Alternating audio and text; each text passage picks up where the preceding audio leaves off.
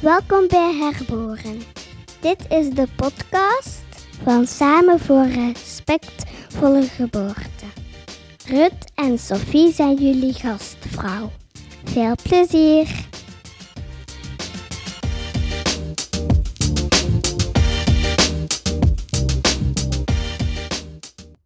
Goedemorgen allemaal, ik ben Sophie. Ik ben hier samen met Ruud en zonder gast vandaag, want we gaan voor de eerste keer gewoon een gesprekje doen uh, met ons twee sinds onze eerste aflevering. Toen dat we verteld hebben waar dat wij vandaan komen en waarom dat we met Samen voor Respectvolle Geboorte zijn gestart. Maar vandaag willen we graag napraten over de aflevering met Ibe, over trauma en uh, de impact van trauma in de verloskamer verschillende stressreacties, want we vonden dat allebei een heel interessante aflevering waar dat we nog heel veel over kunnen babbelen. Uh, ik ben Sophie, ik ben vroedvrouw, ik ben um, ook medeoprichter van Samen voor Respectvolle Geboorte. En ik heb zelf ook heel veel secundair trauma opgelopen al sinds dat ik als student gestart ben in de wereld van vroedkunde. Dus het is zeker een thema dat dicht bij mijn hart ligt uh, en dicht bij mij als persoon. En ik denk dat dat voor u ook geldt, hè Ruud? Yes, zeker. Ik ben dus Rut. Ik ben ook vroedvrouw en medeoprichter van Samen voor Respectvolle Geboorte. En naar aanleiding van onze aflevering met Ibe heb ik haar boek besteld en ben ik het beginnen lezen. Haar boek heet Sterker worden waar het pijn doet. En er is veel herkenbaars in terug te vinden voor mezelf. En um, de situaties die ze beschrijft, de casussen die ze beschrijft, die op zich zijn niet zo herkenbaar. Dus niet dat ik dezelfde dingen heb meegemaakt. Maar de gevoelens die eronder liggen, die herken ik wel. En dingen waar mensen aan tegenaan lopen. En ik weet voor mezelf ook wel ongeveer waar dat allemaal vandaan komt. Maar ik merkte ook tijdens het lezen van het boek dat ik dat nog niet helemaal kan uitleggen. Dus um, er zit zo nog wel wat werk en daar wil ik ook wel graag mee verder aan de slag. Zeker een aanrader voor iedereen om het boek te lezen. Ik vind sowieso um, een hele toffe om het bewustzijn ook te creëren rond trauma en dat, uh, dat heel veel mensen met een trauma rondlopen en hoe dat we daar met elkaar mee kunnen omgaan en hoe we voor elkaar iets kunnen betekenen. Ja, ik denk dat je wel kunt zeggen dat alle mensen wel met trauma rondlopen. Hè? Grote ik zou dat ook durven zeggen. Ja. ja, collectieve trauma's. Ja, absoluut. Ja, als we nu al maar kijken naar post-COVID, als we daar al over zouden kunnen spreken. ja, ja, hmm. Nee, dat is nog te vroeg om ja, dat te kunnen zeggen. Helaas nog te vroeg voor post-COVID. Oh, maar daar gaan we het niet te ja, veel over hebben hier. Hè. Daar, uh... Nee, nee, nee. Maar dat is zeker wel een collectief trauma waar we over kunnen, allez, dat we kunnen zien en herkennen. En... Ja, Absoluut. Maar dat is niet per se waar Iben het over heeft in haar boek trouwens, om even een hoopvolle noot toe te voegen. Um, het gaat wel over het individuele trauma. Ja, het staat ook nu mm. bij op mijn uh, bol.com-lijst, maar die is echt... Oeh heel uit de hand aan het lopen. Hè. Het is echt het is een probleem. We hebben allebei hetzelfde probleem. Hè. We zijn lichtjes geobsedeerd door uh, alle boeken die we willen kopen altijd. Ja. En lezen, maar ja, we lezen zoveel trager dan dat we nieuwe boeken toevoegen aan onze leeslijst. Ja, dat is wel echt een ding. Uh, we zijn daar sowieso niet alleen in. Maar inderdaad. En we steken elkaar ook heel hard aan altijd. Ja, dat is echt heel gevaarlijk. Dan sturen we dat door naar elkaar. Sophie, kijk dit boek. Oh ja. En dan omgekeerd. En, uh... Gisteravond stuurde ik het nieuwe boek van uh, Sarah Wickham naar u over uh, house time. Nee, wacht. Het gaat over inducties ehm, in, de, in het Westen, hoe dat we daarmee mee omgaan. En ik had het, uh, gezegd aan Ruud van ja, ik heb je nog een boek doorgestuurd op Instagram. En Ruud was van nee, ik durf niet kijken. Inderdaad. Maar ik heb echt wel instant wel gekeken, by the way. Want ik kon het toch niet laten. ja, onze, onze zelfbeheersing op boekvlak is uh, nog niet... Uh, nog niet op nog Niet, nog niet op het. Nog niet helemaal de maturiteit bereikt. hey, kom op, als het dan maar is. Dus hadden we bedacht om ook in de uh, gesprekken, uh, want zo willen we ze noemen, hè, de nagesprekken over de afleveringen met de gasten, om daar ook onze boekenobsessie een beetje in mee te brengen, zodat we meer excuses hebben voor uh, de hoeveelheid boeken die we aanschaffen en lezen. Ja. Nu, ik wil wel even kaderen voor onze luisteraars. We hebben het niet over 100 boeken per maand. Nee, ja, dat is u zelf verantwoorden, hè, Ruud? Ja, ja, ja. Ja. ik denk dat niemand verwacht dat het over 100 boeken per maand ging. Ja, ja, boeken, obsessie, ik krijg daar toch wel echt bepaalde beelden bij. Ja, maar de, de obsessie zit wel vooral in ons hoofd, denk ik. ik, ik allee, als ik voor mezelf spreek, dat kan mij zo vasthouden van, oh, ik, ik moet dat boek nu. Het is vooral zo dat, het moet ook nu. Ja, en dan ligt dat hier gewoon op de stapel. Ja, ja, zwaar. Ja, dus ik probeer, Maar goed, ik probeer mij in te houden en pas een nieuw boek te bestellen als mijn vorige uit is. Maar dat Hmm. lukt niet altijd. maar Sophie, je hebt onlangs een superboeiend boek gelezen. Ja, Waar je dat echt is- al heel vaak naar hebt verwezen in gesprekken die we hebben gehad onderling. Vertel het alsjeblieft. Hoe je het kunt Ja. linken aan trauma in de verloskamer. Wel, ik heb juist Daring Greatly gelezen van Brene Brown. Dus How the Courage to be Vulnerable Transforms the Way We Live, Love, Parent and Lead. En de Nederlandse vertaling is De Kracht van Kwetsbaarheid. Wat ik een heel andere vibe vind van titel. Maar ik heb hem dus in het Engels gelezen en ik ben er grote fan van. eh, tot Mhm. misschien vervelend toe van Ruud. Want elke keer als Nee, we ergens nee. over praten, ben ik zo... Oh, daar heeft Brene Brown. Nee, is prima. Het staat hier eh, in mijn kast. Ik ga het ook Ja. wel eens lezen hoor. Ja, het is echt, ik vind het echt heel goed. En het gaat, ehm, er is een hoofdstuk in over disruptive engagement. ehm, Wat dat dan meer gefocust is op zo de, de werkzetting ook. En zo organis- organisaties en hoe dat die werken. En ik vond het zo herkenbaar voor onze geboortezorg. Mhm. En ik moest er ook aan denken toen dat we het met Iba hadden over schaamte. Hè, want zij vertelde een verhaal van een vroedvrouw die, die echt met heel veel schuldgevoelens zat, omdat zij niet was opgekomen voor wat dat zij dacht op het moment zelf en dat dat kindje dan uiteindelijk gestorven was. Ehm, allee, dat is nu een hele korte samenvatting, maar in, in de aflevering vertelt Ibe dat verhaal in meer detail. Mhm. Mhm. En dat deed mij daar heel hard aan denken, want Brené Brown die schrijft heel veel over schaamte en over de kracht van kwetsbaarheid. En hoe dat schaamte in organisaties echt een heel tegenwerkende kracht is voor, Mhm. voor het goed te doen als organisatie. En een ziekenhuis is ook een organisatie. En in onze ervaring ehm, en ook in de verhalen die we wel horen, dan zien we vaak dat schaamte echt wel terugkomt zo onder de zorgverleners eh, onderling, dat, dat ze niet durven kwetsbaar te zijn naar elkaar toe en heel veel zo in de muur optrekken ehm, en hunzelf beschermen en verdedigen. Hè. Als we bijvoorbeeld praten over obstetrisch geweld aan een groep, er dan heel veel, ja, maar ik kan daar niet aan doen, want dit, dat, dat. Naar boven komt zo echt jezelf willen beschermen, verantwoorden. ehm, en dat komt ergens van je niet veilig te voelen, hè, en van niet gevoeld hebben dat je kunt kwetsbaar zijn en kunt zeggen, ja, ik vind dat zo vervelend dat ik dat inderdaad doe, want ik weet niet hoe dat ik daar anders mee om moet gaan. En mijn waarden liggen in de knoop in zo'n situatie. En, en ik, heb daar stress van en ik heb zelf een moeilijke ervaring gehad en dat, dat neem ik mee en ik kan dat niet goed loslaten. Zo, dat soort openheid, dat mankeert heel vaak, omdat mensen zo bang zijn van ja, elkaars reactie, maar ook van zo aansprakelijkheid en al die zaken. Het heel Mhm. moeilijk is om, om je zo op te stellen. Ja, super moeilijk. En ook, daar moet ik ook wel aan denken, met dat je het vertelt.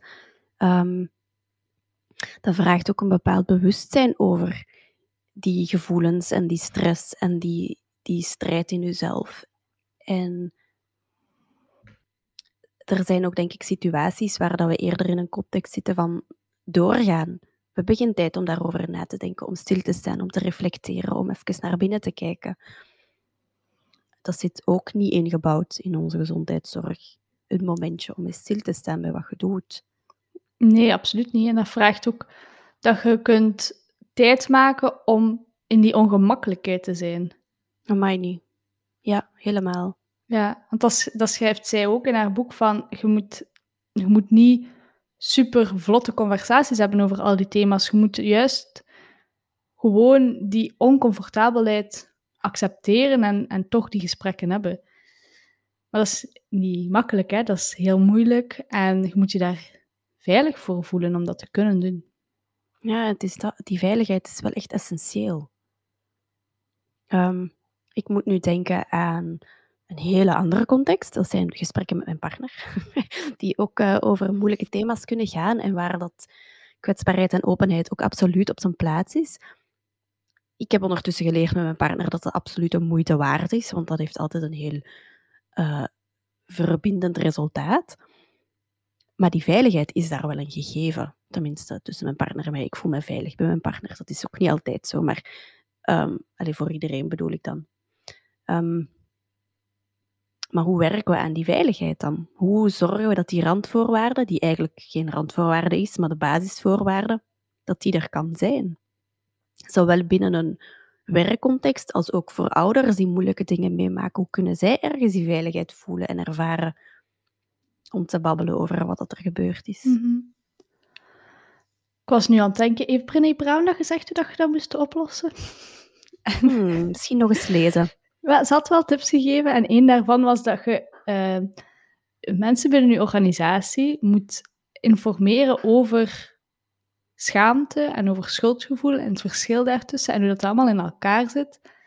Uh, en, in, en ik stel me dan voor dat in dat daarover hebben, in een meer theoretische context, dat je ook dat gesprek opent um, mm-hmm. om daar samen op in te gaan. Aan de andere kant schrijft ze ook uh, shame rolls downhill. Dus mm. met andere woorden, als er een, een bepaalde vorm van hiërarchie is en iemand hoger in die hiërarchie voelt schaamte, dan gaat dat naar beneden door. Want die duwen die schaamte door op de mensen onder hun in de hiërarchie. En dat is iets dat je, vind ik, heel, heel hard ziet in onze geboortezorg, waar dat toch nog altijd helaas een heel hiërarchische sfeer hangt van... Uh, ja, van beleid naar artsen, naar, uh, naar de vroedvrouwen, naar de doulas ergens op die lijn, de ouders, vaak heel laag mm um, in die hiërarchie. En dat je ziet van als bijvoorbeeld een vroedvrouw zich niet goed voelt omdat ze um, bijvoorbeeld protocollen moet uitvoeren waar dat ze eigenlijk niet achter staat en daar dus met een wrang gevoel over zit, misschien met een schaamte over zit, en dat wordt dan door bijvoorbeeld de ouders in, in twijfel getrokken of door de doula.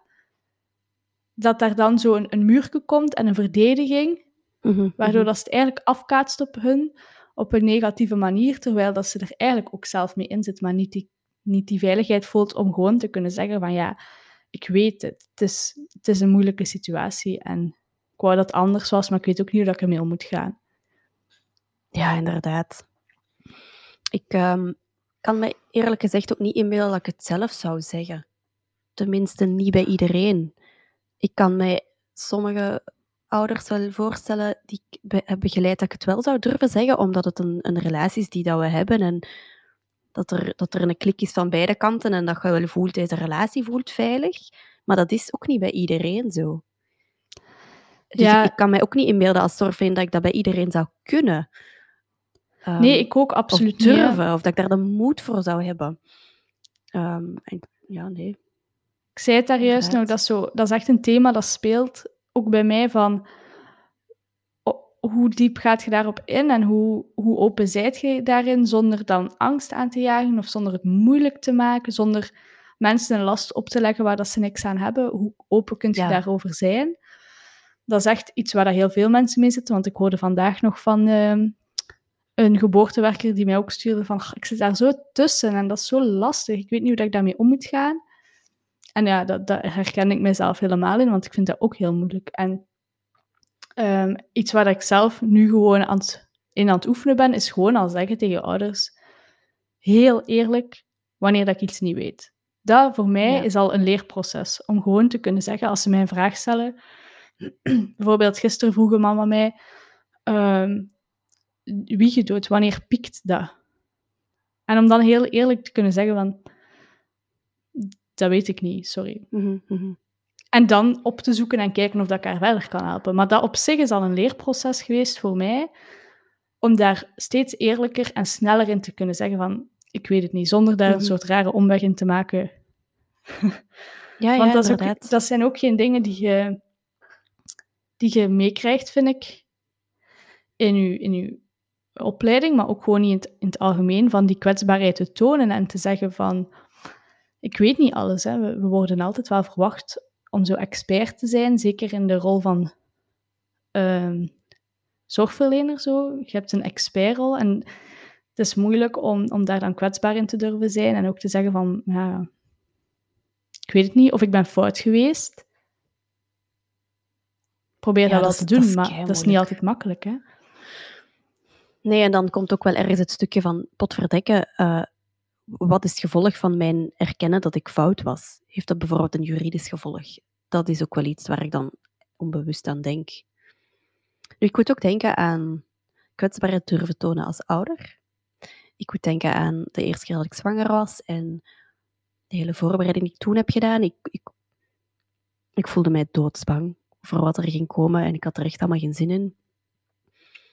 Maar naar de buitenwereld toe deed ik net alsof ik heel goed wist wat ik wou en dat ik daarvoor ging. En, dat heeft me niet echt geholpen, die houding. Om niet te durven zeggen, want potverdenken, ik weet het eigenlijk ook allemaal niet. Er is zoveel aan de gang. Um, een uitkijken naar, een verlangen naar een bepaalde geboorte. Tegelijkertijd er zoveel schrik voor hebben en niet, niet weten wat ik moest doen met die tweestrijd. Dus had ik dan maar gekozen voor, kom, ik ga hier de sterke madame uithangen en uh, doen alsof ik het allemaal weet. Lap, dat, nee, ik wist het helemaal niet. Helemaal niet. Wat ook helemaal prima is, maar ik durfde dat niet zeggen. Ja, wel, en als we dat dan terugkoppelen naar de aflevering met Ibe rond trauma, gewoon daar die kwetsbaarheid eh, en veiligheid hebben om kwetsbaar te kunnen zijn, zou zoveel trauma kunnen voorkomen. En ja, allee, daar ben ik van overtuigd. Maar ook trauma dat er al is, als je daar mhm. dan ook weer veiligheid in hebt en je kwetsbaar in kunt opstellen om het daarover te hebben en daarin gehoord te worden, dat dat ook zo'n groot verschil maakt. Hè? Als je bijvoorbeeld ja, toch onrespectvol bent behandeld tijdens je geboorte en je wilt het daarover hebben met mhm. de mensen die erbij waren van, uh, van het ziekenhuis of van de zelfstandige uh, vroedvrouw bijvoorbeeld, dat je dan ook weet van die gaan daar naar luisteren, mhm. zonder zelf weer een muurtje op te trekken en in de verdediging te schieten. Hè? Want dat horen wij zo vaak, mhm. dat, dat er zulke ervaringen zijn en dat er dan heel verdedigend op gereageerd wordt, terwijl het enige wat de ouders op dat moment dan nodig hebben, is die erkenning van, ja, sorry bijvoorbeeld, het was super druk en ik wou dat ik meer voor u had kunnen doen en ik weet dat ik u niet de zorg heb gegeven die je nodig had. En, en mijn excuses daarvoor, ja. Ik heb, dat niet, mhm. ik heb dat niet slecht bedoeld, maar ik begrijp dat dat je slecht is, slecht is bevallen. Dat je dat bijvoorbeeld kunt zeggen. Ja. Ik ben aan het nadenken over wat mij daarin helpt om die openheid te creëren in een gesprek. Mhm. Want ik heb wel ervaringen gehad in mijn leven dat dat wel lukt om een gesprek te openen waar de openheid bewaard bleef. Ik ben gewoon aan het denken hoe ik dat dan heb gedaan. of ik daar iets kan, kan opleggen. Allee, iets kan, een algemeen principe in kan vinden. Hetgeen wat, waar ik het meest aan moet denken, is dat als ik dat deed vanuit echt een oprechte uh, openheid naar mezelf toe en naar de anderen toe, en vanuit een houding, vanuit een moment dat ik me eigenlijk heel rustig voelde en niet per se nog heel boos of verdrietig of welke emotie er dan speelde naar, ehm, over de situatie, als ik dat echt kon doen vanuit, goed, ik heb een stukje al gedaan in mezelf, ik heb gevoeld wat er was en dat al een stuk kunnen laten zijn. Ehm, en dan vanuit die rust en die, echt die oprechte um, wil ook om de ander te, te ontmoeten zo. Niet vanuit ik wil dit zeggen om mijn punt te bewijzen of zoiets. Dan ging het meestal niet zo vlot. Mm. Integendeel. Maar als ik dat kon doen, echt vanuit ik wil hier echt gewoon oprecht iets vertellen, vanuit mezelf, uh, om ergens die verbinding te zoeken met elkaar, dat dat vaak ook wel ging. Dat dan een toon zette in het gesprek waar die ander ook op reageerde, van, zoals ehm, ik dat dan zo graag zou willen eigenlijk. Dat die ander ook wel kon zeggen, ja, inderdaad, potvertekken, je hebt gelijk. Mhm. En dat, dat was moeilijk en ik was er verkeerd in. Ehm, ik heb ooit eens een, uh, een, een, hele kleine cursus gevolgd over geweldloos communiceren. En daar heb ik toen zo wel enkele kleine principes uitgehaald. Ik kan dat verre van perfect. Ik bedoel, hallo. Maar daar heb ik wel dingen uitgehaald toen die mij wel helpen in die situaties. Om echt oprecht vanuit mezelf te spreken en vanuit mijn gevoel, zonder echt beschuldiging te zijn, want dat is, dat is niet zo simpel. Om daar de juiste woorden voor te vinden, maar, maar dat werkt wel. Dat zet wel een bepaalde toon die dat je nodig hebt om zo'n gesprek te kunnen voeren. Dan moet ik denken aan onze aflevering met Veerlen ook, hè, die dat zo mooi Mhm. gedaan heeft tijdens die geboortes. Echt vanuit die verbindende communicatie gaan herhalen wat dat ze gehoord heeft. Eh, Inderdaad. en daar dan op ingaan. Dat is heel sterk, hè? dat is absoluut niet evident om te doen, maar Nee. dat is wel heel mooi als je dat kunt, ehm, kunt proberen. Ja, helemaal. Kunt proberen, daar zeg je het helemaal. Want ik denk dat elke poging ook gewoon al super waardevol is. Ja, Ja, dat we daar ook niet in verwachten dat je daar perfect in bent, inderdaad. Hè? Gewoon u daar Nee. weer kwetsbaar in opstellen en proberen verbindend te communiceren. ik zei onlangs tegen mijn dochter, die, ik weet al niet meer wat precies ging, maar ik zei van, kijk Marie, soms dan proberen we dingen en dan lukt dat niet helemaal zoals we het voor ogen hadden. Maar als we het nooit proberen, gaan we er zeker niet geraken. en ik denk dat dat op heel veel van toepassing is. Dat als we niet proberen om iets bespreekbaar te maken, ja, dan gaat het zeker niet lukken. En dan kan het zijn dat je tekst al gigantisch op je neus krijgt, wat misschien absoluut geen deugd doet, wat zeker geen deugd doet. Mhm. Maar En daar wil ik eh, misschien gewonnen. even een, een, een pluim op onze eigen hoed steken en toch weer trots zijn dat wij dat ook hebben durven doen voor Samen voor Respectvolle Geboorte, hè, dat gesprek opentrekken. Ook geen eh, evidente. En ik vind het altijd wel grappig om op terug te kijken dat we dat gewoon hebben gedaan. Inderdaad. Ja. ja, dat is waar. En dan wil ik ook misschien dat moment ook nemen om, om alle mensen die ook hun verhaal aan ons hebben gedeeld en hun ervaringen met ons delen, bedanken daarvoor. Want dat is ook heel mooi om, om te mogen lezen en, ehm, en ook te zien dat mensen dat dan kwetsbaar willen zijn om dat verhaal te delen met mensen die ze misschien niet zo goed kennen. Mhm.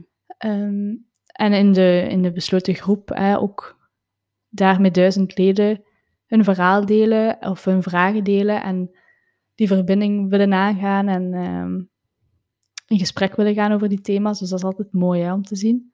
Ja, super. Dat is echt heel fijn. Grote dank daarvoor. Ik denk dat we dat niet altijd zo laten merken, maar we worden daar heel warm van van binnen. Ik denk dat dat wel het juiste woord is. Blij wou ik zeggen, maar nee, dat is, ik word daar niet per se blij van, maar eh, ja. Ja, inderdaad. En we willen ook, dat hadden we ook gezegd, we willen ook nog eens dankje zeggen aan de mensen die zoal ehm, hebben laten weten dat, wat ze van de podcast vinden en die hebben laten weten wat dat met hun heeft gedaan en waar dat zij daarbij aan dachten. Ehm, of dat ze er wat genoten hebben of gewoon ehm, ja, wat dat in hun getriggerd heeft en zo. Dat, dat is ook altijd heel leuk om te horen en te lezen. Mhm. We hebben onlangs onze voicemail-app gelanceerd. Misschien hebben jullie het al gezien. Speakpipe slash herboren. Ehm, bij deze nog eens een warme oproep om jullie zeker te laten horen. Dat klinkt heel spannend, dat besef ik. Maar een mailtje is op zich ook prima. maar moest je vragen hebben, ook naar aanleiding van afleveringen die je hoort, de week nadat de aflevering online kwam, dus nu, wat wij nu aan het doen zijn, is nabespreken ehm, hoe dat de aflevering was voor ons, wat wij ervan hebben eh, opgestoken. Maar er is ook zeker ruimte voor jullie specifieke vragen of dingen die je niet zo duidelijk vond. Als je je eigen situatie een keer wilt voorleggen, echt doe maar, heel graag. En dan geven we daar graag aandacht aan.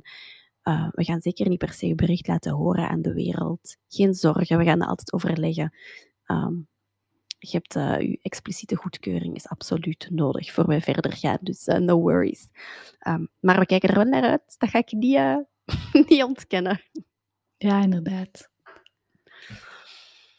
Okay. Um, Misschien voilà. laten we het hierbij voor onze eerste ja. naweeën. Um, ik vond het wel fijn. En het is ook grappig om te zien uh, dat thema echt heel hard die link is geworden van kwetsbaarheid. Um, ja.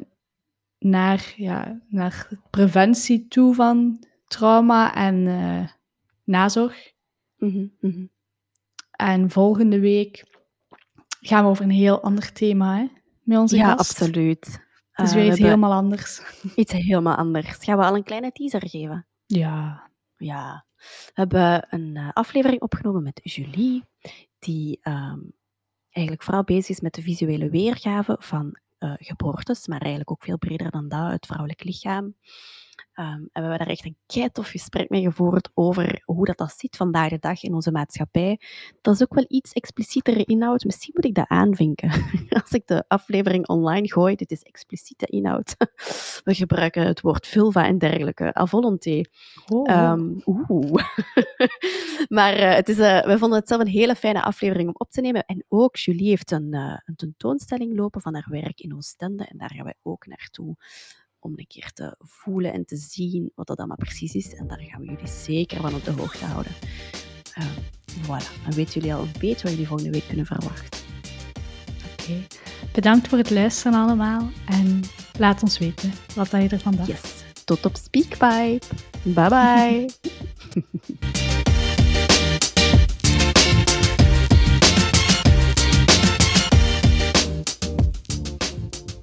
Bedankt om te luisteren. Je kan ons terugvinden op respectvollegeboorte.be of je kan kijken op Facebook of op Instagram. Je kan ons ook een mailtje sturen. Dat kan op samen op respectvollegeboorte.be. Tot de volgende keer.